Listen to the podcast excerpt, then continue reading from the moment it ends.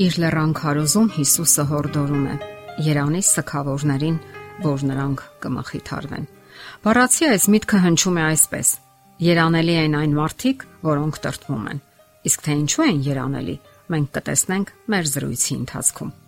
Մարդու անկումից հետո մեղքն ու մահը իշխանություն ձեռք բերեցին նրա վրա։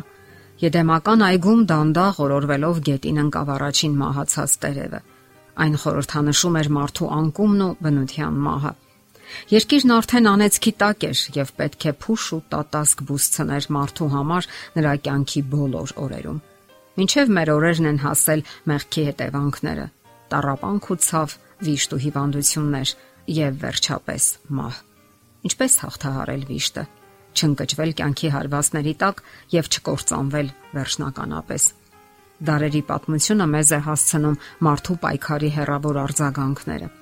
Աստվածաշնչյան սեղմ տարեգրությունը վկայում է, թե ինչպես Կայենը սپانեց Հաբելին։ Զավակի եղերական մահվան առաջին ականատեսը Եվան էր։ Նա ով զրուցել էր Աստծո հետ, ով տեսել էր կատարյալ դրախտը առանց մեղքի հետևանքների եւ Ադամի հետ անխռովության ու անդորության մեջ վայելել կուսական բնության եթերային շշունջները այժմ կանգնած էր զոհված զավակի դիակի առաջ։ Աստվածաշունչը խորհրդավոր լրություն է պահպանում այն մասին, թե ինչպես դիմացավ այդ հարվածին առաջին ворթեկորույս մայրը։ Սակայն դրանով կանգ չառավ մահվան գերանդին։ Մարտիկ կատարելագործեցին մահվան գործիքները եւ սپانելու, հոշոտելու պատճառները։ Կայանի սպանության գործիքը, քարը կամ փայտը այսօր մանկական խաղալիքներ են զանգվածային սպանության ժամանակակից զենքերի համեմատ։ Մարդկությունը շունչ չի քաշում պատերազմներից։ Տղամարդիկ ու կանայք կորցնում են ամուսիններին, երեխաները ծնողներին, ծնողները երեխաներին։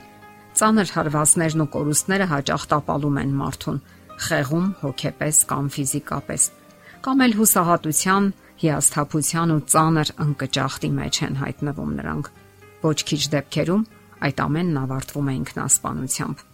Չնայած այն բանին, որ մարդկությանը դեռևս հայտնի չեն այն մեթոդները, որոնց օգնությամբ կարելի է ազատագրվել կորուստների պատճառած ցավերից, քրիստոնեական հոգեբաններն առաջարկում են սկզբունքներ, որոնք կարող են արագացնել հուզական ապակինումը։ Այդ սկզբունքներից մեկն առաջարկում է դատարկել ներսում կൂട്ടակվածը։ Դուք կարող եք գտնել հարազատ մեկին, որի հետ կարող եք քննարկել ձեր ներքին հույզերը կամ այն իրավիճակը, որի մեջ հայտնվել եք։ Վիշտն ու թախիցը կորստի հանդեպ բնական հակազդեցություններ են։ Հինկտակարանյան ժամանակներում ողբերգական կորուստները միշտ ուղեկցվում էին ողփով ու լացով։ Այսօր այդ սովորությունը պահպանվել է այսիական ժողովուրդների մեջ։ Թաղումն ուղեկցվում է բուրըն լացով ու ողփով, ոչ քիչ դեպքերում խոսքերով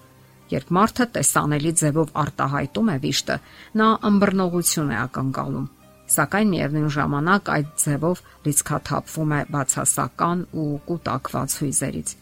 Ցավոք մերօրյա հասարակությունը ավելի է ապարփակվում իր մեջ, դառնում զուսպ, ժլատ զգացմունքները դրսևորելու մեջ, որովհետև դա համարվում է անպատշաճ եւ ոչ քաղաքակիրթ։ Սակայն այսօր էլ կենսականորեն անհրաժեշտ է, որ մարդը ծանր վշտի պահին գտնի այն ուսը, որի վրա կարող է հենվել ու լացել, կիսվել իր վշտով ու հույզերով։ Հուզական սատարման համար անհրաժեշտ է ըմբռնել վշտի շրջանակը։ Մարդկանց մեծ մասը զգացմունքային հարուստ ապրումներ է ունենում, որոնք բավականին կանխատեսելի են եւ միանգամայն բնականon։ Տարերային աղետներից հետո մեծ քանակի զոհեր են լինում Շատերն են օգնության, կարեկցանքի ու սատարման կարիք զգում։ Վշտի պահերին անիմաստ է նաև չարանալ եւ անպայման մեղավորներ փնտրել։ Դա ոչնչով չի օգնի։ Անհրաժեշտ է նաև ընդունել իրականությունը։ Աստված միշտ չէ որ միջամտում է իրադարձությունների բնական ընթացքին ճարիքը կանխելու համար։ Սակայն դա չի խանգարում նրան վերահսկելու պատմությունը եւ կոնկրետ իրադարձությունները։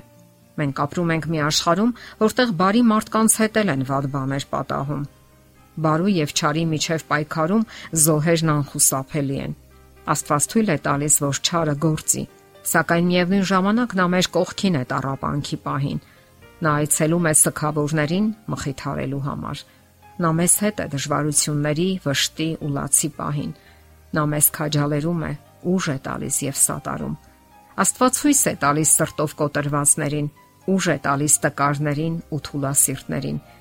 Երբեք էլ ուժ չէ գիտակցել սեփական սխալներն ու հնարավորություն տալ Աստծուն վերականգնելու կորսված հնարավորությունները եւ նոր կյանքի ուղղորդել։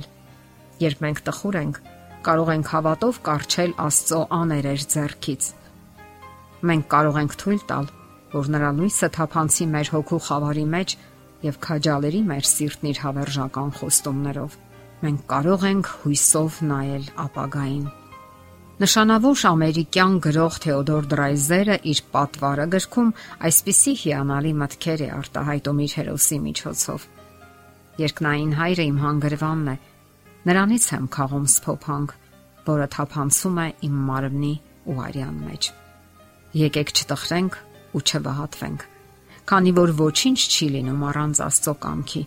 Իսկ Աստված իրան մեկնելի իմաստության մեջ գիտի, թե որն է բարիքը նրա համար, ով ամենածանր փորձանքի պահին հավատարիմ է մնում բարձրյալի հանդեպ իր սիրուն եւ դրանից ուժ է ստանում։ Այո, ձեզ կարող են մերժել,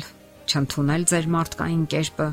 եւ դուք մերժվածություն կզգաք։ Դուք կվիրավորվեք մարդկանցից, միայնություն կզգաք։ Ձեզ կարող են մերժել նույնիսկ ձեր սեփական ծնողները, երեխաները եւ այնուամենայնիվ դուք պետք է ներեք նրանց եւ զգաք ձեր սեփական սխալները։ Ահա թե ինչու կարող ենք մխիթարություն գտնել Քրիստոսի մոտ։ Իսկ այս ամենի համար պետք է այն հոգեվոր մտածողությունը, որը մենք անվանում ենք Աստվածային իմաստություն։ Եթերում է ղողանջ հավերժության հաղորդաշարը։ Ձեզ հետ է Գեղեցիկ Մարտիրոսյանը։ Հարցերի եւ առաջարկությունների համար զանգահարել 033 87 87 87 հեռախոսահամարով։